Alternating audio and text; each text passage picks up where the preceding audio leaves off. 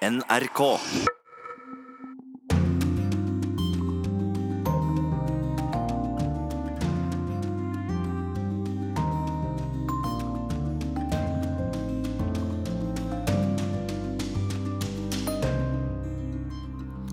Velkommen til Urix på lørdag. Her i studio, Øystein Heggen. Vi skal straks til Stockholm. Vår reporter følger statsminister Stefan Löfvens valgkamp der. Og podkasten vår skal også handle om Sverige. När vi var engagerade och unga Vi drevs av ideologi Men tyvärr, jag måste sjunga Den tiden är förbi De rømte fra døden, nå kan den innhente dem. Folk i Idlib i Syria frykter angrep fra regjeringsstyrker og russere. Venstresiden i Tyskland samler seg, vil ta gata tilbake fra høyresiden. I Russland frykter mange at de ikke vil leve lenge nok til å nyte sin pensjon, nå når pensjonsalderen skal opp. Hvis utviklingslandene klarer å skattlegge de store internasjonale selskapene mer, kan det erstatte bistanden vi gir til landene. Og korrespondentbrevet handler om EU-parlamentet, som noen bruker til protest, andre til underholdning. Helt først i denne sendinga skal vi til valgkampbodene på Sergels torg i Stockholm, for der har statsminister Stefan Löfven holdt appell. Vi har mer enn ytterligere 300 000 mennesker i arbeid sammenlignet med da vi tillträdde. Vi har den lägsta ungdomsarbeidsløsheten på 16 år og vi har den lägsta statsskulden på fyra decennier. Og da handler det her valet om just dette. Den ideologiske, centrala konflikten i det her valet det handler om hva skal vi gjøre av alle disse ressurser som svenska folket har jobbat ihop. Reporter Charlotte Bergløf, du er med oss fra Sergels torg. Og ja, hørte vi litt av hovedbudskapet fra Sosialdemokraterne nå på tampen av valgkampen?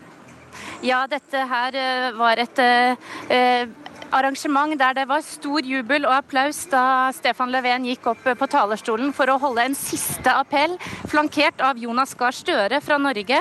Han forsøkte å fokusere sterkt på dette med at man må ta avstand fra høyrepopulistiske krefter og rasisme, og at det er et av de viktigste eh, tingene som nå svenske velgere må ta stilling til. Og Han sa da at han er den eneste garantisten for å sørge for at dette ikke skal få vokse og gro i det svenske samfunnet. Og Han forsøkte jo med det å plukke opp både de velgerne som eh, går fra Sosialdemokraterne til Sverigedemokraterne, men også de som vurderer Moderaterna og alliansen, den borgerlige alliansen. Det virker som valgkampen har hardnet til på slutten. Det har den så absolutt. I går var det partilederdebatt, og Jimmy Åkessons utspill om at, svenske, om at det er enkelte som ikke passer inn i det svenske samfunnet, det ble det jo stort rabalder ved. Og SVT har jo tidligere blitt felt i svenskenes PFU for ikke ta avstand fra slike generaliserende uttalelser fra politikere. Og de gikk jo derfor ut i etterkant og tok avstand fra uttalelsen, og det har jo ført til mye debatt. Det var ikke så mye snakk om det her på Sergels torg i dag, for nå handler alt om å fri til de siste velgerne og overbevise dem. Så det var noen stikk fra Stefan Löfven til, til den siden, men, men de snakket ikke om det konkret. Mobilisering er stikkordet. Er det mulig å tolke et mulig resultat ut fra de siste meningsmålingene, Charlotte? Nei, Nå er det så spennende. Ingen tør å spå hva som skal skje i morgen. De to eh, kjente blokkene, de tradisjonelle fra, til høyre og venstre, de eh, vet vi jo eh, ligger veldig tett. Og så er jo spørsmålet hvor mange som vil gå til Sverigedemokraterna. Og spesielt, det er jo kommentatorer som mener at den debatten vi ser nå etter partilederdebatten, er en gavepakke til Sverigedemokraterna. For nå kan de jo fyre opp under dette opprøret mot eliten, der enkelte mener at mediene og politikere er en slags elite med avstand fra folket, som ikke forstår folket. Og når SVT da velger å gå ut og ta avstand fra Åkessons uttalelser, så, så, er det jo mange som tror at det kan gagne Sverigedemokraterna nå i den siste sluttspurten. Med oss fra Sergels torg i Stockholm der, reporter Charlotte Bergløff. Og vår podkast, som starter om en drøy halvtime, skal også handle om valgkampen i Sverige.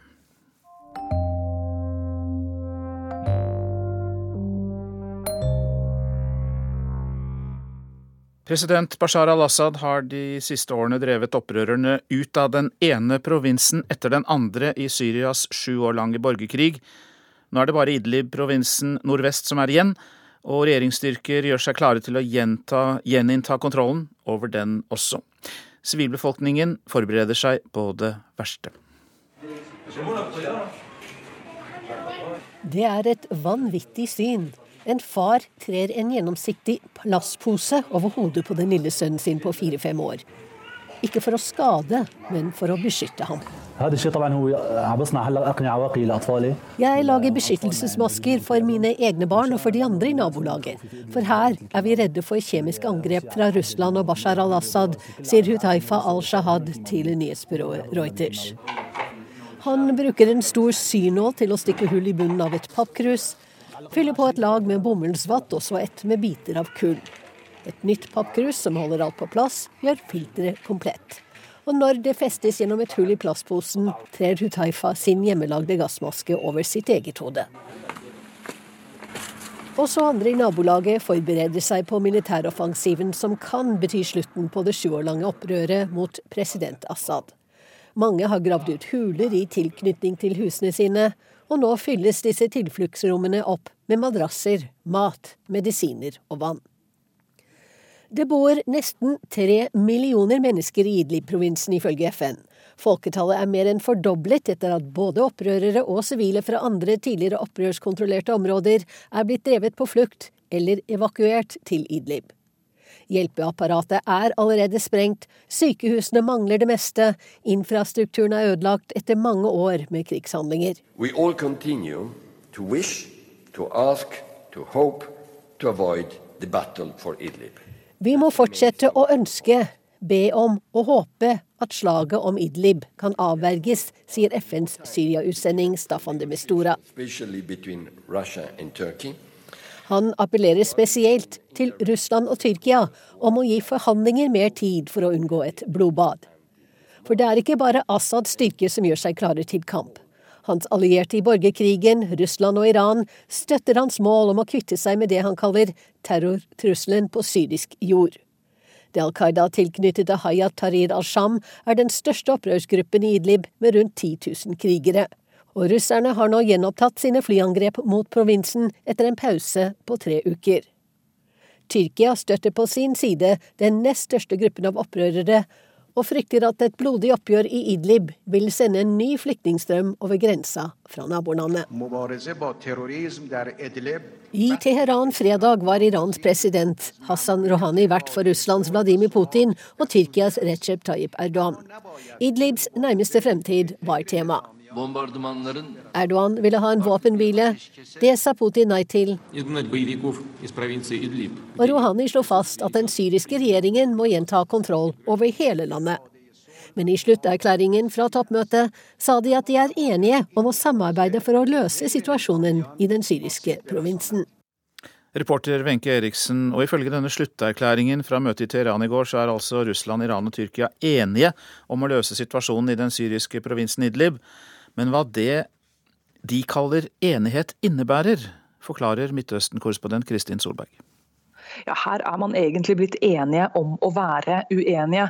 Møtet i Teheran i går understreket eh, på mange måter de ulike synene til partene. Tyrkia ba om en våpenhvile, mens Iran og Russland insisterte på det de mener er nødvendigheten av å ta kontroll over Idlib. Eh, men de sa de var blitt enige om å jobbe i en samarbeidsånd, uten å gå noe mer konkret inn på hva det går ut på. Men kanskje viktigere i uttalelsen, i hvert fall for Idlibs del, er det de sier om at alle tre land er blitt enige enige om å kjempe mot IS og Jabhat al-Nusra, tidligere Al Qaidas gren i Syria.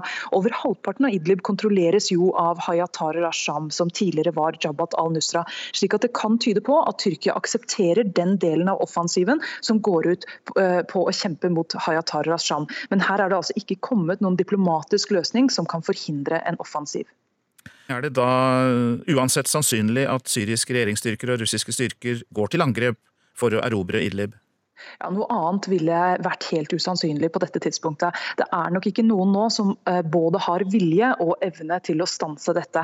Og En indikasjon på at den kan komme til å starte eh, ganske snart, er avisen Al-Watan, som står nær syriske myndigheter, og som for noen dager siden skrev at offensiven kommer til å starte like etter toppmøtet i Teheran, som altså var i går.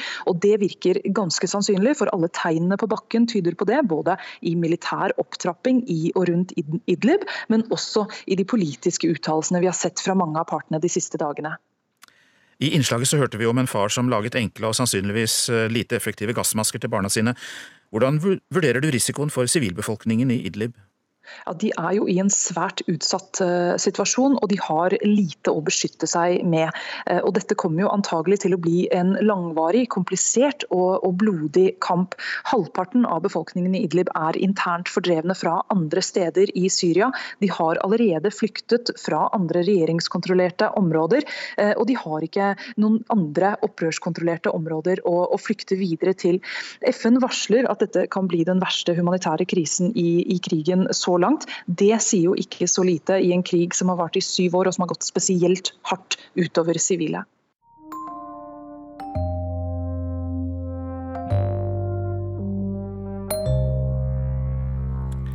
I Tyskland ble det denne uka lansert en ny samlet venstrebevegelse kalt Aufstehen, altså stå opp eller reis deg. Den er en reaksjon på at både partiet Alternativ for Tyskland og innvandringsmotstanden i landet stadig blir sterkere. Aufstehen mener mange rasende borgere samler seg om ytre høyre fordi det ikke har noen alternativer.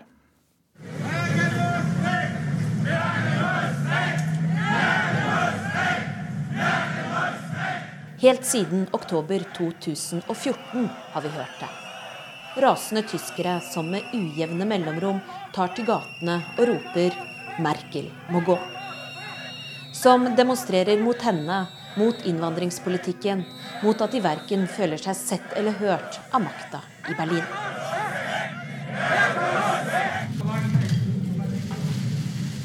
bin es leid, die Straße Pegida und den Rechten zu überlassen. Jeg er lei av å gi gata til Pegida og ytre høyre fordi mange mennesker av og til er medløpere. Ikke nødvendigvis fordi de er fremmedfiendtlige eller misliker utlendinger, men fordi de føler seg oversett og forbigått. Og jeg vil ikke overlate disse menneskene til slike bevegelser. Vi må finne et eget podium for de sosiale utfordringene.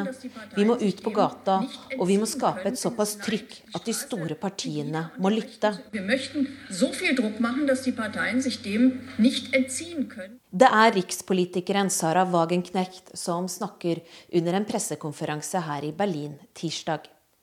Hun er én av to ledere for ytre venstrepartiet De Linkes fraksjon i forbundsdagen. Og denne uka lanserte hun sammen med enkeltmedlemmer fra partiet De Grønne og Sosialdemokratene en ny bevegelse kalt Auferstehen. På norsk Stå opp. De sier de ønsker å snu trenden med at stadig flere velger innvandringskritiske alternativ for Tyskland, og at de vil redde venstresida. På tvers av partigrensene skal de diskutere tiltak og gjøre sin alternative politikk mer synlig, både for sofavelgerne og protestvelgerne. De er imidlertid enige med ytre høyre om én ting at Merkel må gå, og at kristendemokratenes hegemoni må stanses. Deutschland forandrer seg, og Deutschland forandrer seg i en retning die viele Menschen nicht wollen. Tyskland forandrer seg i en retning som mange ikke ønsker.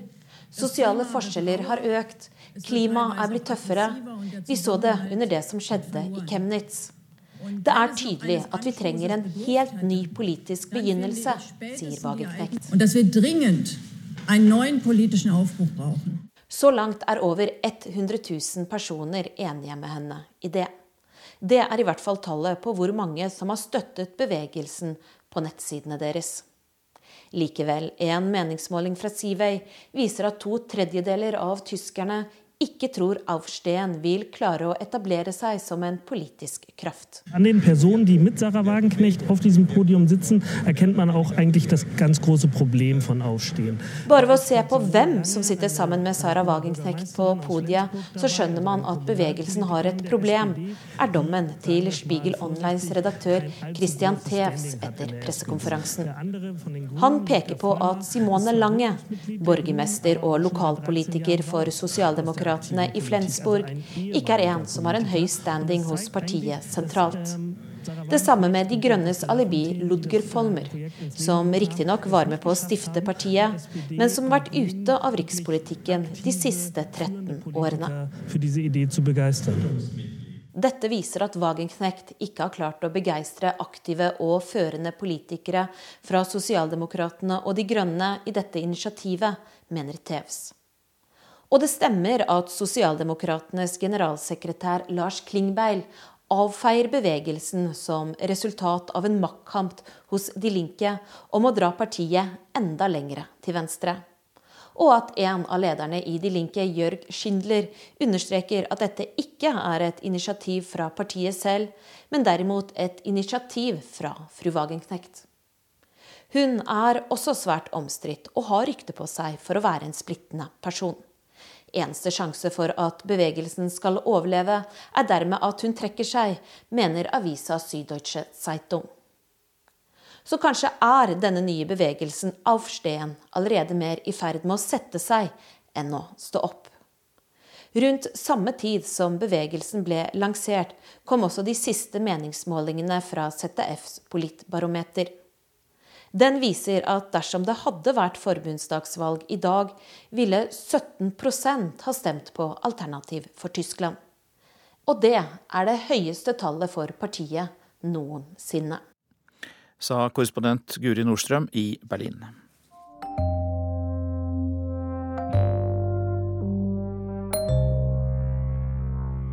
Til Russland nå, for i disse dager er det store protestaksjoner mot pensjonsreformen som myndighetene er i ferd med å gjennomføre. Pensjonsalderen skal heves med fem år både for kvinner og menn, til henholdsvis 60 og 65 år. President Vladimir Putin sier at den russiske staten ikke har penger til å betale for så mange pensjonister. Jan Espen Kruse, vår korrespondent i Moskva, har levert denne reportasjen.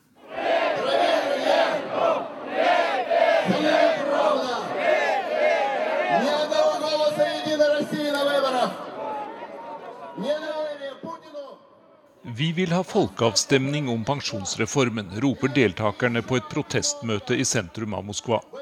8-10 000 mennesker har fulgt oppfordringen fra det russiske kommunistpartiet om å vise sin misnøye med myndighetenes plan om å øke pensjonsalderen for både kvinner og menn med fem år. Når reformen blir gjennomført, kan kvinner gå av med pensjon når de er 60 år, mens menn kan bli pensjonister når de er 65. Men et av kritikernes hovedpunkt er at gjennomsnittlig levealder for menn i Russland bare er 66 år, mens kvinnene i snitt lever 11 år lenger.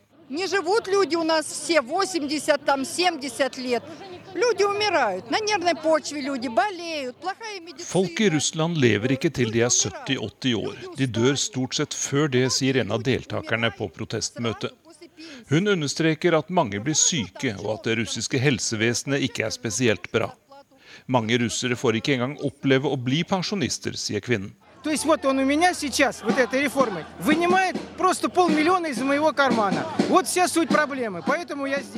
For meg er problemet med denne reformen at myndighetene tar en stor pengesum ut av lomma mi, penger som tilhører meg, sier denne mannen. Han påpeker at han på ingen måte stoler på lederne i Kreml.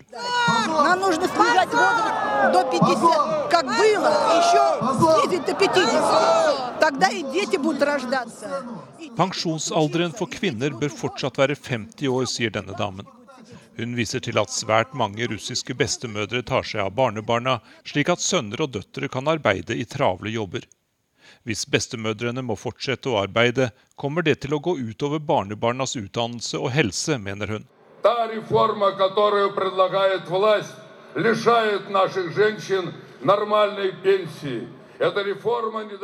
Reformen som myndighetene vil gjennomføre, tar fra kvinnene våre en normal pensjon, sier kommunistpartiets leder Gennadij Juganov. Han mener også at den store arbeidsledigheten blant unge mennesker vil kunne dempes hvis godt voksne går av med pensjon tidligere. I kampen mot høyere pensjonsalder har kommunistpartiet funnet en god sak med stor folkelig oppslutning. En ny meningsmåling viser at tre av fire russere ville stemt nei til reformen hvis de hadde fått muligheten til det. Men president Vladimir Putin satte ikke døra på gløtt for noen folkeavstemning da han nylig snakket om den upopulære pensjonsreformen for første gang. Regjeringen ville opprinnelig øke pensjonsalderen for kvinner med åtte år, men presidenten understreket at det får holde med fem ekstra år. Но откладывать дальше действительно нельзя. Это было бы безответственно и может привести к тяжелым последствиям в экономике и социальной сфере. Vi kan ikke utsette denne reformen lenger nå. Det ville være uansvarlig, og det ville føre til alvorlige økonomiske og sosiale problemer, sa Putin. Han understreket at hvis myndighetene skulle vente enda noen år, så ville pensjonsreformen bli enda mer brutal enn den nå kommer til å være.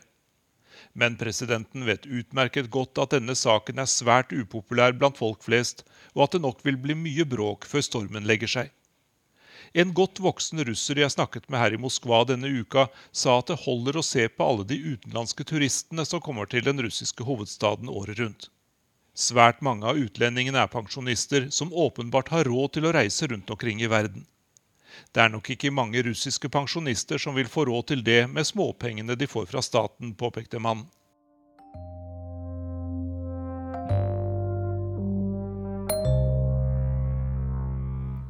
Du lytter til Urix på lørdag, og vi stiller følgende spørsmål. Kan mer skatt fjerne utviklingshjelpen? Skattedirektoratet og Norad driver prosjektet Skatt for utvikling, som skal hjelpe u-land til å få et bedre og mer effektivt skattesystem. Norge bidrar til dette først og fremst i Tanzania, Zambia og Mosambik. The people from NTA have been working with team here uh, to improve their capacity to audit, uh, especially. Hjelp fra Norge til revisjon av gruveselskapene spesielt, det er viktig, sier visedirektør Rishet Bade i skatteetaten i Tanzania, og det er fra en video fra Norad, dette her. Og direktør der, Jon Lomøy, sier denne typen uhjelp er effektiv. Dette er nå det mest lønnsomme i anførselstegn man kan gjøre i bistand. Eh, en del av de innsatsene vi har gjort i Tanzania, det er sånn at for hver krone vi har investert i bistand, så har Tanzania fått 100 kroner mer i skatteinntekter. Kan man si det så enkelt som at uh, bedre skattlegging kan erstatte bistand?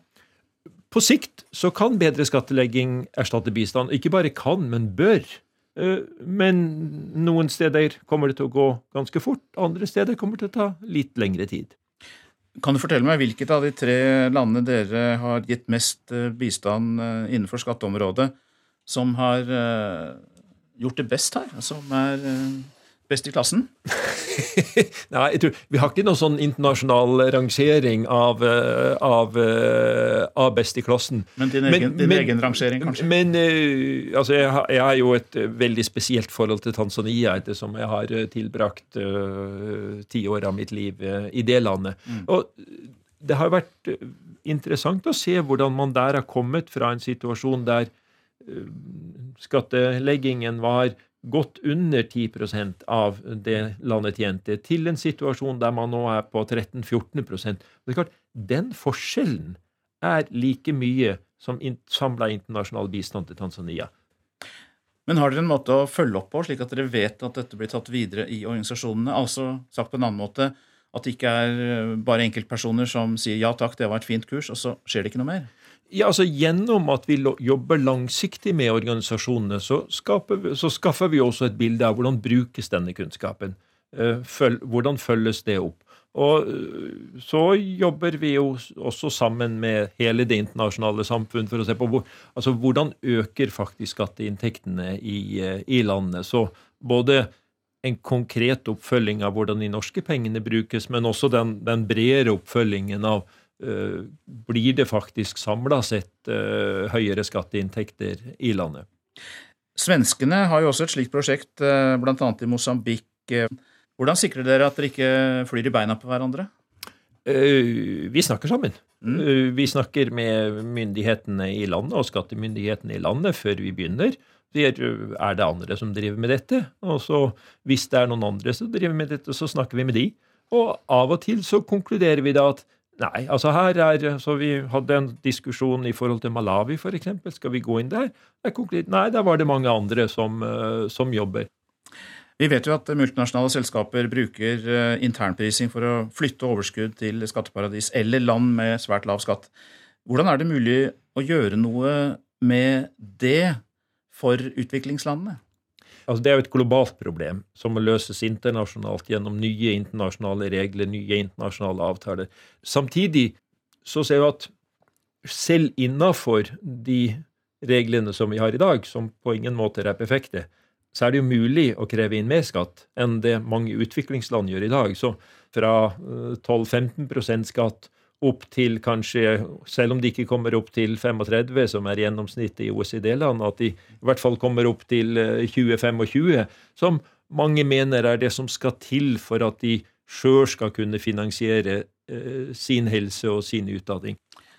Har eh, noen av disse landene opplevd at de multinasjonale selskapene har hoppet av, trukket seg, etter at de har opplevd å få mer skattlegging? Uh, ja, det var en litt komplisert prosess i Zambia, der eh, jo Zambia økte betydelig eh, skatteleggingen av eh, gruveselskapene. Og der ble det jo en prosess som gjorde at Zambia etter hvert justerte noe tilbake. Så det, klart, det å finne balansen her er, altså det, er jo, det er også noe av det som, som, er en del av den norske erfaringen, ikke minst fra, fra oljesektoren det å hjelpe land til å tenke altså, Hva er den kloke balansen her? Hvordan sikrer jeg at jeg får mest mulig, men dog at selskapene syns det er så attraktivt at de fortsatt vil investere?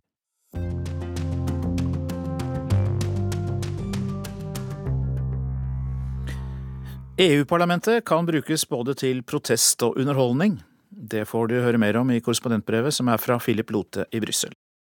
Brussel-boblen, denne lukkede verden båret oppe av ideen om at Europa kretser rundt hva som skjer inne i denne boblen. Noen vil kalle ideen et tankespinn, andre, både de som vil prikke hull på den, og de som frykter at den kan sprekke, erkjenner at det er en viktig boble. At luften i boblen er mye av det oksygenet som makteliten puster. Boblens vegger er EUs institusjoner og aktører.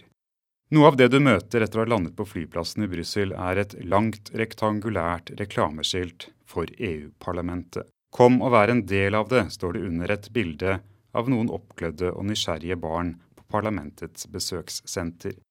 Følelsen du får er av et slags parlament med et mindreverdighetskompleks.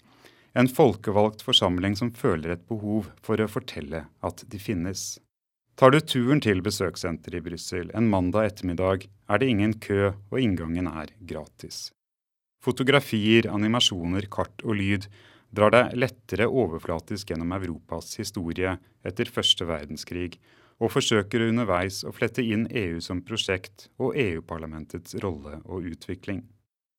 At parlamentet holder til ikke bare i Brussel, men har hovedsete i Strasbourg, presenteres faktisk og uten å nevne de enorme kostnadene det innebærer å flytte 751 folkevalgte og deres rådgivere mellom de to byene. I tolv atskilte enkeltuker av året er EU-parlamentet en slags sideboble til Brussel-boblen. Da holder de møter i Strasbourg de like gjerne kan holde i Brussel, hvor de også har en fullverdig plenumssal og også holder møter. Den geografiske forflytningen koster hvert år 200 millioner euro, eller 10% av parlamentets budsjett. Vi, og faktisk EU-parlamentet selv, har flere ganger sagt seg villig til å ha én lokalisering for å spare penger og bruke disse pengene på borgernes virkelige behov, sier Marco Valli, EU-parlamentariker for femstjernersbevegelsen til NRK. Litt i samme ånd som unnlatelsen av denne lokaliseringsstriden nevnes migrant- og flyktningekrisen, finans- og eurokrise og brexit. Men uenighet og strid om hvordan EU har evnet å svare på disse utfordringene, er utelatt. Du sitter igjen med en følelse av å bli utsatt for myk propaganda. Utstillingen løfter frem EU-parlamentet som den eneste EU-institusjonen med direkte folkevalgt makt. Men at dette er et sted hvor meninger brytes og uenigheter løftes frem om hva EU er og hvor EU skal, det forsvinner nesten i den pent lyssatte og diskré forherligelsen av seg selv. Bildet de tegner, undergraver faktisk EU-parlamentets helt sentrale rolle i den største utskiftningen av EUs ledere på mange år. Det er i EU-parlamentet at en tolv måneder lang maktkamp starter denne høsten. En kamp som kommer til å definere frontene i EU fem år frem i tid. Hver av partigruppene skal velge en spitsen kandidat. en kandidat til å overta som president for EU-kommisjonen. Den største partigruppen etter valget kan da gjøre krav på at deres kandidat skal få jobben som sjef for EUs mektige byråkrati. Og selv om regjeringssjefer i Berlin og Paris kan ha innsigelser, har EU-parlamentet gjort det klart at de vil bruke sin makt til å stemme ned enhver kandidat som ikke først er blitt fremmet som en av partigruppenes spitsenkandidat.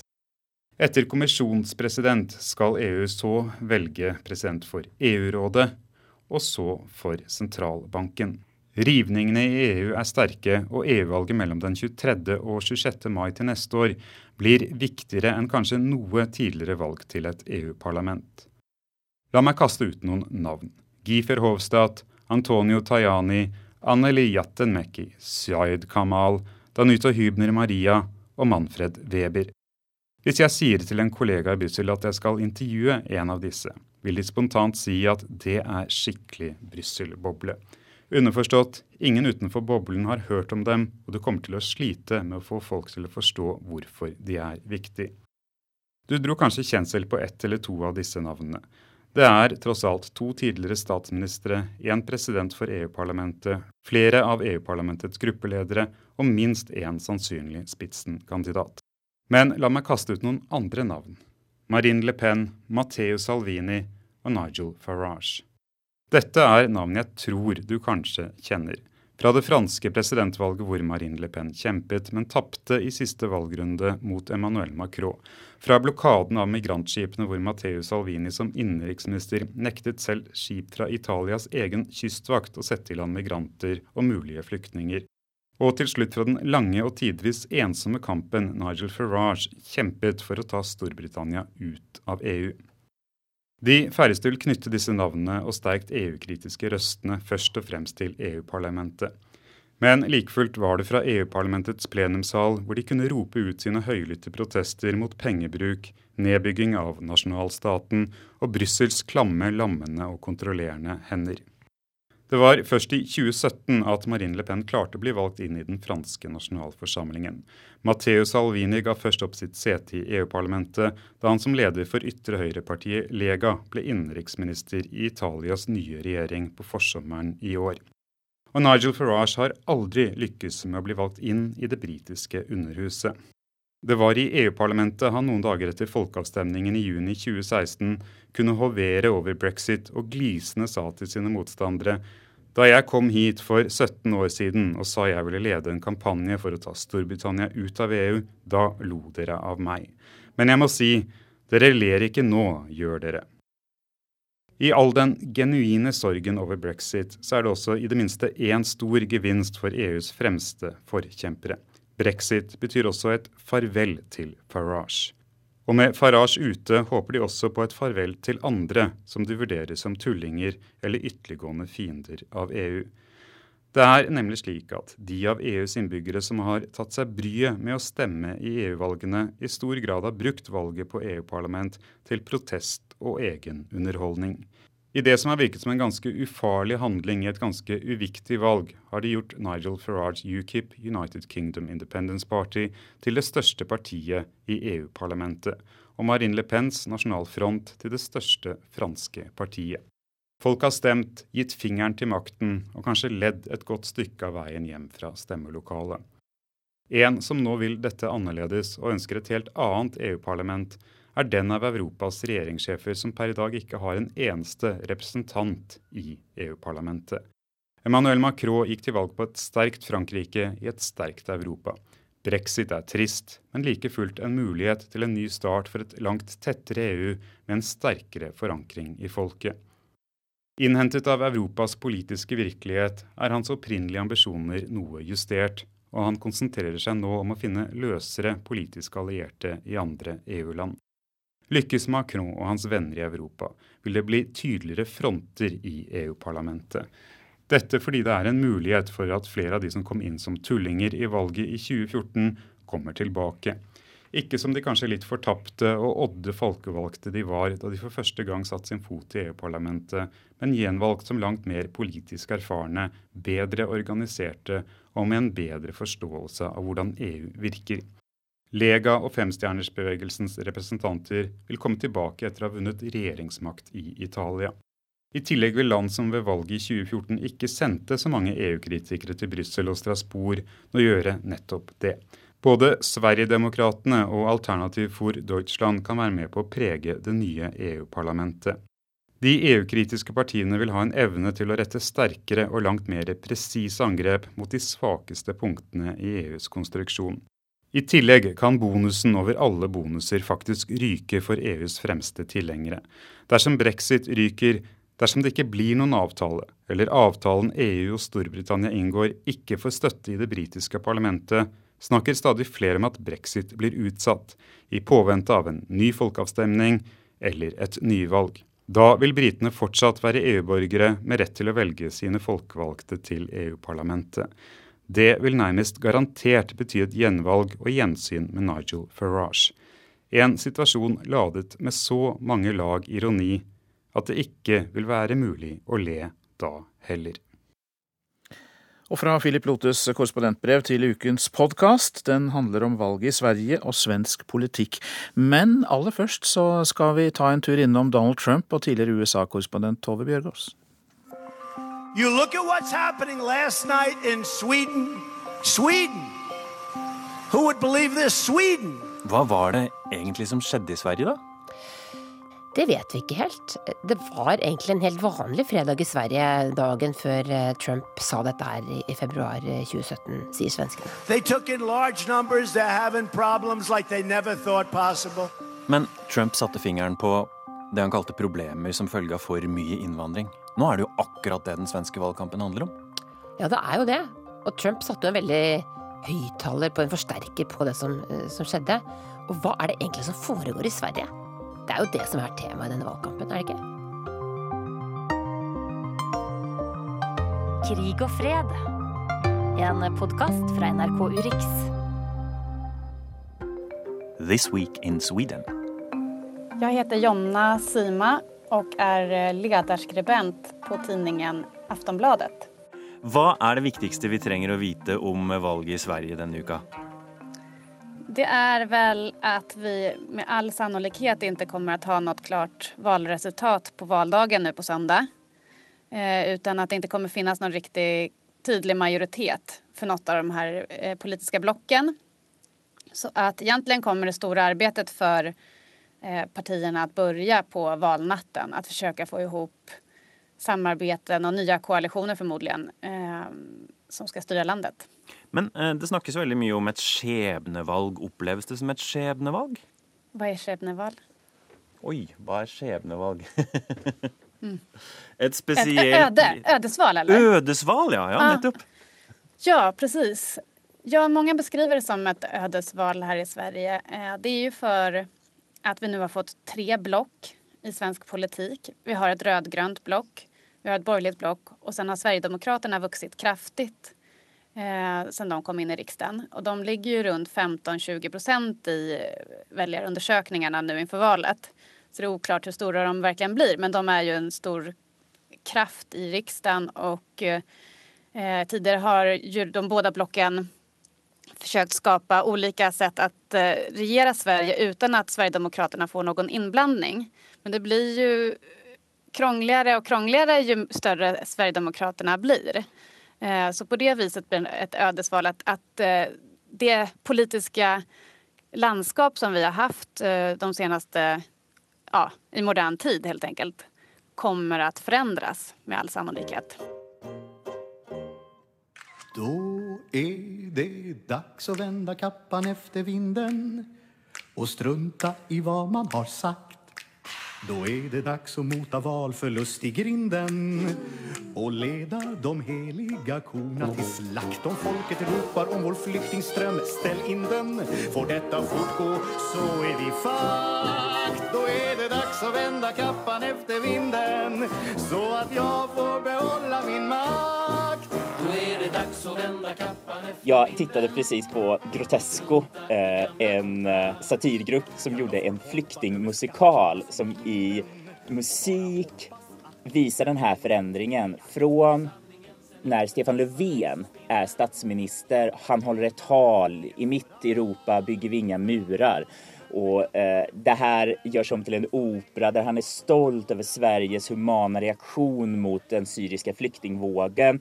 Men hur den här snabbt möter verkligheten. Det blir för många. Eh, plötsligt stiger Sverigedemokraterna som en raket i opinionen och eh, sen får man helt enkelt ändra om allting och plötsligt så är det som att i princip så byter alla från att eh, Sverige ska vara väldigt öppet när det gäller invandring till att nej, vi måste stänga till, strama åt. Vi kan inte ta emot så här mycket invandring, så här mycket flyktingar. Jag heter Henrik Torhammar och jag är en svensk journalist som leder Sveriges Radios podd om inrikespolitik, det politiska spelet. Du mener rett og slett at det er en satirisk musikal du som nærmest best har oppsummert den svenske innvandringsdebatten? Nei, ikke bare ja. Det er på riktig nesten at alle eh, politiska betraktare tittar på Grotesco och ser just eh, det kanske behövs någonting lite absurt för att fånga den, den tvärvändning som skedde här eh, under väldigt kort tid. Eh, det är väldigt mycket frågan om hur ska man förhålla sig till Sverigedemokraterna? Och det finns i huvudsak två olika sätt att se på Sverigedemokraterna. Antingen är de det nya Vänsterpartiet eller er de en gång för alla typ et nazistisk parti, altså grundat av nazister. Og hvem mener hva? Jeg skulle si at det finnes en del på högersidan som sier at precis som Vänsterpartiet har haft et problematiskt förflutet. De var kommunisterna. Og i den världsbilden så är kommunism og nazism det är två antidemokratiska ideologier. Precis som Socialdemokraterna kunde använda Vänsterpartiet eller då Vänsterpartiet kommunisterna att luta sig på så borde också Alliansen eller en högerregering kunna luta sig mot Sverigedemokraterna. Att det på något sätt är en sorts process. Partiet försöker göra upp med sin historia, rensa ut rasisterna och i ekonomisk politik så har Sverigedemokraterna gått ifrån mitten till att vara mycket mer höger. Det är den ena sidan. Den andra sidan är nej. Eh, Sverigedemokraterna är inte som norska Fremskrittspartiet eller danska Folkeparti. Eh, där i andra skandinaviska länder kan man ha de här partierna som är invandringskritiska som att stödja regeringen eller att vara en del av regeringen. För det är någonting skillnad i Sverigedemokraternas DNA. De startades utav nazister, alltså det här är själva grunden i det största demokratiska misslyckandet under 1900-talet. Att inte se de här krafterna och att tidigt stå emot dem. Och man tittar också på vad som händer i resten av världen. Man tittar på Orban i Ungern eller i Polen eller krafter som flörtar ditåt som i Österrike eller Italien och säger att det är dags att reagera snabbt och isolera de här för vi vet vi vet var historien går om man släpper in de här krafterna i politiken. Så antingen en långsam normalisering fast ändå hålla med ett avstånd eller att försöka isolera och hålla dem utanför. Men hvis du sammenligner med Norge og Danmark, da, for så vidt, så har høyrepopulistiske partier blitt eh, tatt inn i varmen på sett og vis i eh, breiere mm, borgerlige regjeringssamarbeid og som støttepartier. Eh, hvordan ser dere på det som har skjedd i Norge og Danmark? Ja, som vi bruker poengtere, er at Sverigedemokraterna är delvis ett annorlunda parti än Dansk Folkeparti eller Fremskrittspartiet i Norge. Det var väldigt, eh, ja men ett rasistiskt parti helt enkelt när Jimmie Åkesson som är partiledare för Sverigedemokraterna gick med i det partiet på 90-talet. Eh, det är, ja, till skillnad då från till exempel Fremskrittspartiet som mer kommer från ett högerpopulistiskt skattesänkar, eh, en skattesänkaridé. Men Sverige börjar ju bli mer allt likt Norge och Danmark och det, ja, det tycker jag är dåligt. på vilken måte? Ja, nej, men att vi har den här utvecklingen eh, med framväxande eh, högerpopulistisk och nationalistisk parti. Eh, men skillnaden då mot, mot Norge till exempel är ju att svensk borgerlighet hittills inte har samarbetat eller velat bilda regering med eh, det, vårt främlingsfientliga och högerpopulistiska parti. Men det är det vi får se nu på söndag om eh, svenska mitten eller borgerligheten kan hålla sitt löfte om att inte samarbeta med Sverigedemokraterna. Svenskene har av og til framstilt seg som mindre vulgære enn en vi naboene?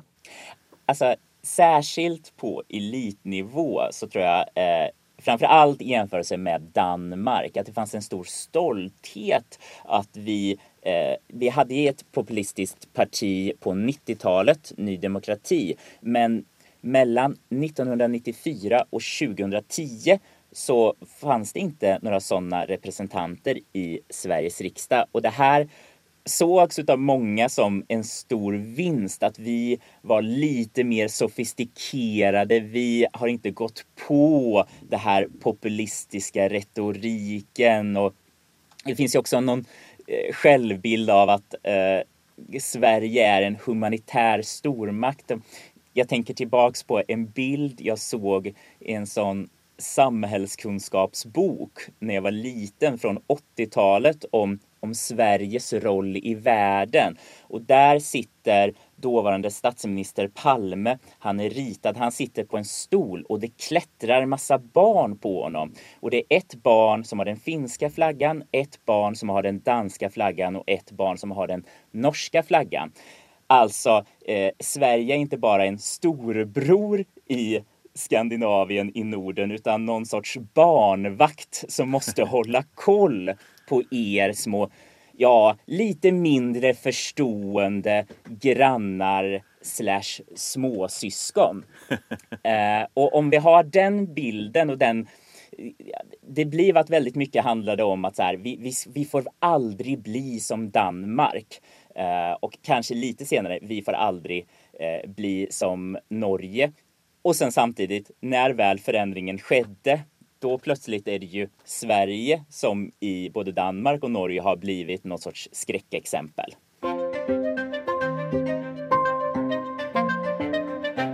Du, jeg har lest mange sånne avissaker nå i valgkampen, og det står ofte 'Hva skjedde med folkhemmet'? Mm. Altså, hva er folkhemmet egentlig? Ja, det er ju ett begrepp som myntades av en gammel socialdemokratisk statsminister som hette Per Albin Hansson på 20-talet.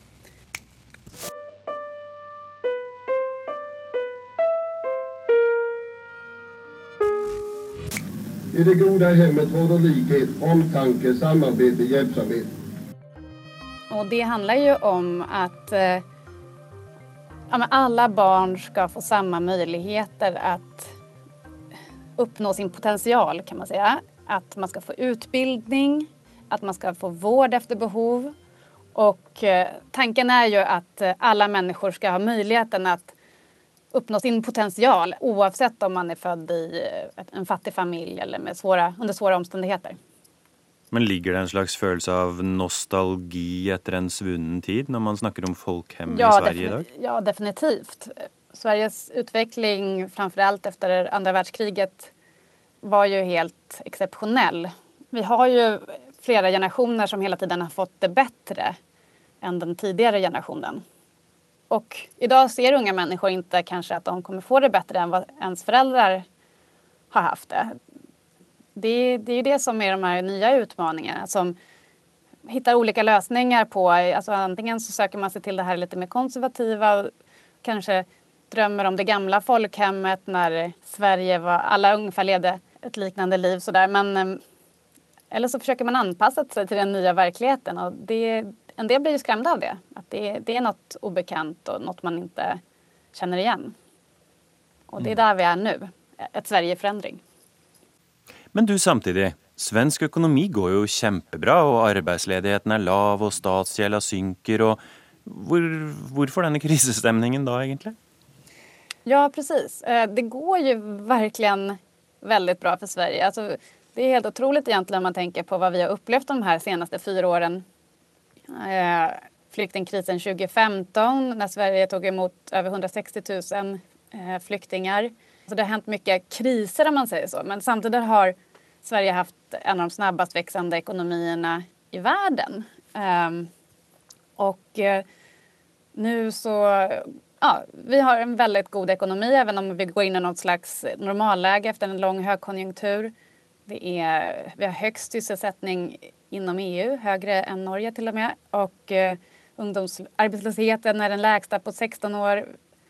Vi har ett stort överskott eh, i år eh, och statsskulden är den lägsta på, på 40 år tror jag. Så att, alltså, det, är ju, det är ju otroliga siffror att kunna visa upp av en regjering så här inför ett val. Men samtidigt Men, så ligger Socialdemokraterna veldig dårlig an på meningsmålingene. Precis, problemet är att, att väljarna, när det går bra så är väljarna inte så intresserade av ekonomin. Det är ju när det då, går dåligt och man är orolig över eh, sitt jobb och sådär som, som man kanske intresserar sig mer för det. Utan nu har det varit andra frågor som eh, ja, men, kring kultur, alltså så kring religion, kultur, invandring eh, och sådär. Betyr det at dette skillet mellom høyre og venstre kanskje ikke er så viktig lenger? Da? At økonomi ikke er den viktigste saken for, eh, for det politiske landskapet lenger? Nej, precis. Det är ju en väldigt stark eh, diskussion här i, i Sverige att eh, höger-vänster har konkurrerats ut en del av den här nya politiska skalan Galtan. Jag vet inte om ni känner till den. Eh, men eh, Gall, det är gröna och liberala eh, internationella eh, värderingar. Medan TAN är mer konservativa, nationalistiska eh, och att man värderar sånt högt. Ett, ett eh, parti som Sverigedemokraterna är ju långt ner på tandskalan medan till exempel eh, Miljöpartiet är högt upp på gallskalan. Då kanske ni förstår lite bättre. Eh, och det handlar ju mycket om då kulturfrågor värderingar. Eh, alltså till exempel att det kan bli en stor grej om man ska bara slöja i skolan eller om vi ska ha någon liten moské ska få ha böneutrop i Sverige. Det kan liksom blåsas upp til jättestora frågor i den svenske debatten. Om man zoomer ut så er jo det fortfarande extrem konsensus i svensk politikk. Og jeg tenker fortfarande den retoriske konsensus. Eh, Sverigedemokraterna har ju alltså tvingats både säga ja, eh, de gillar public service, de gillar gays och de tror på klimatförändringar. Det är liksom saker som det socialkonservativa nationalistiska partiet i Sverige säger. Det är ändå någonting ganska rejält. Å andra sidan också, Vänsterpartiet vill ha fler poliser. Det, det är liksom... I, ett anna, I en annan värld så hade det funnits tydligare alternativ. Jag skjønner, så egentligen är dere alla eniga långt på väg? Ja, men på ett sätt ja. När vi var engagerade och unga Vi drevs av ideologi Men tyvärr, jag måste sjunga Den tiden är förbi Hennes och Maurits-teorin att säg amerikaner när de kommer till Stockholm bara Oh my god, everyone is so trendy. Det som verkar som att åh, vad snyggt klädda alla svenskar är är nog bara, vi är ganska trendkänsliga. Vi är redo att hoppa på någonting nytt och spännande väldigt snabbt och plötsligt känns det som att 80 har great fashion sense. Eh, det här känns som det fungerer også i politiken. At vi er snabba att omfamna till exempel homosexuellas rättigheter. Eh, men ena sekunden så var i princip alla för Sverige ska vara ett öppet, tolerant land och det betyder att ta emot mycket flyktingar. Nu är det istället nej. Vi måste stänga gränserna og ha kontroll. Vi kan inte ta imot hur mycket flyktingar som helst. Og slik ser det politiske motebildet ut i Sverige akkurat nå. Ja. Da er det dags å vende kappan efter vinden Skal vår velferd være intakt Vi byter ikke lingonris mot tamarinden Og svenska verderinger får vi slå vakt En spådom for valget, da? Tør du det? Någonting måste brista. Antingen blockpolitiken som den ser ut nu, att eh, det blir lite danskt och norskt att något parti går över till den andra sidan. Eller att eh, alliansen på något sätt tar stöd, eller hur man nu definierar det, eh, på något sätt lutar sig mot Sverigedemokraterna. Jag skulle nog satsa på att det blir Ulf Kristersson som får i uppdrag av Sveriges riksdagstalman att bilda regering. Moderaterna, sen- med andre ord. Ja, precis. Moderaternas ledare. Eh, sen får vi se om han får ihop något samarbete med stöd av Sverigedemokraterna. Eller... Eh, Eller så blir det någonting helt annorlunda. Det kanske blir en enpartiregering med bara Moderaterna. Eller skulle det kunna bli moderater och socialdemokrater som i en stor koalition lik den i Tyskland regerar. Vem vet?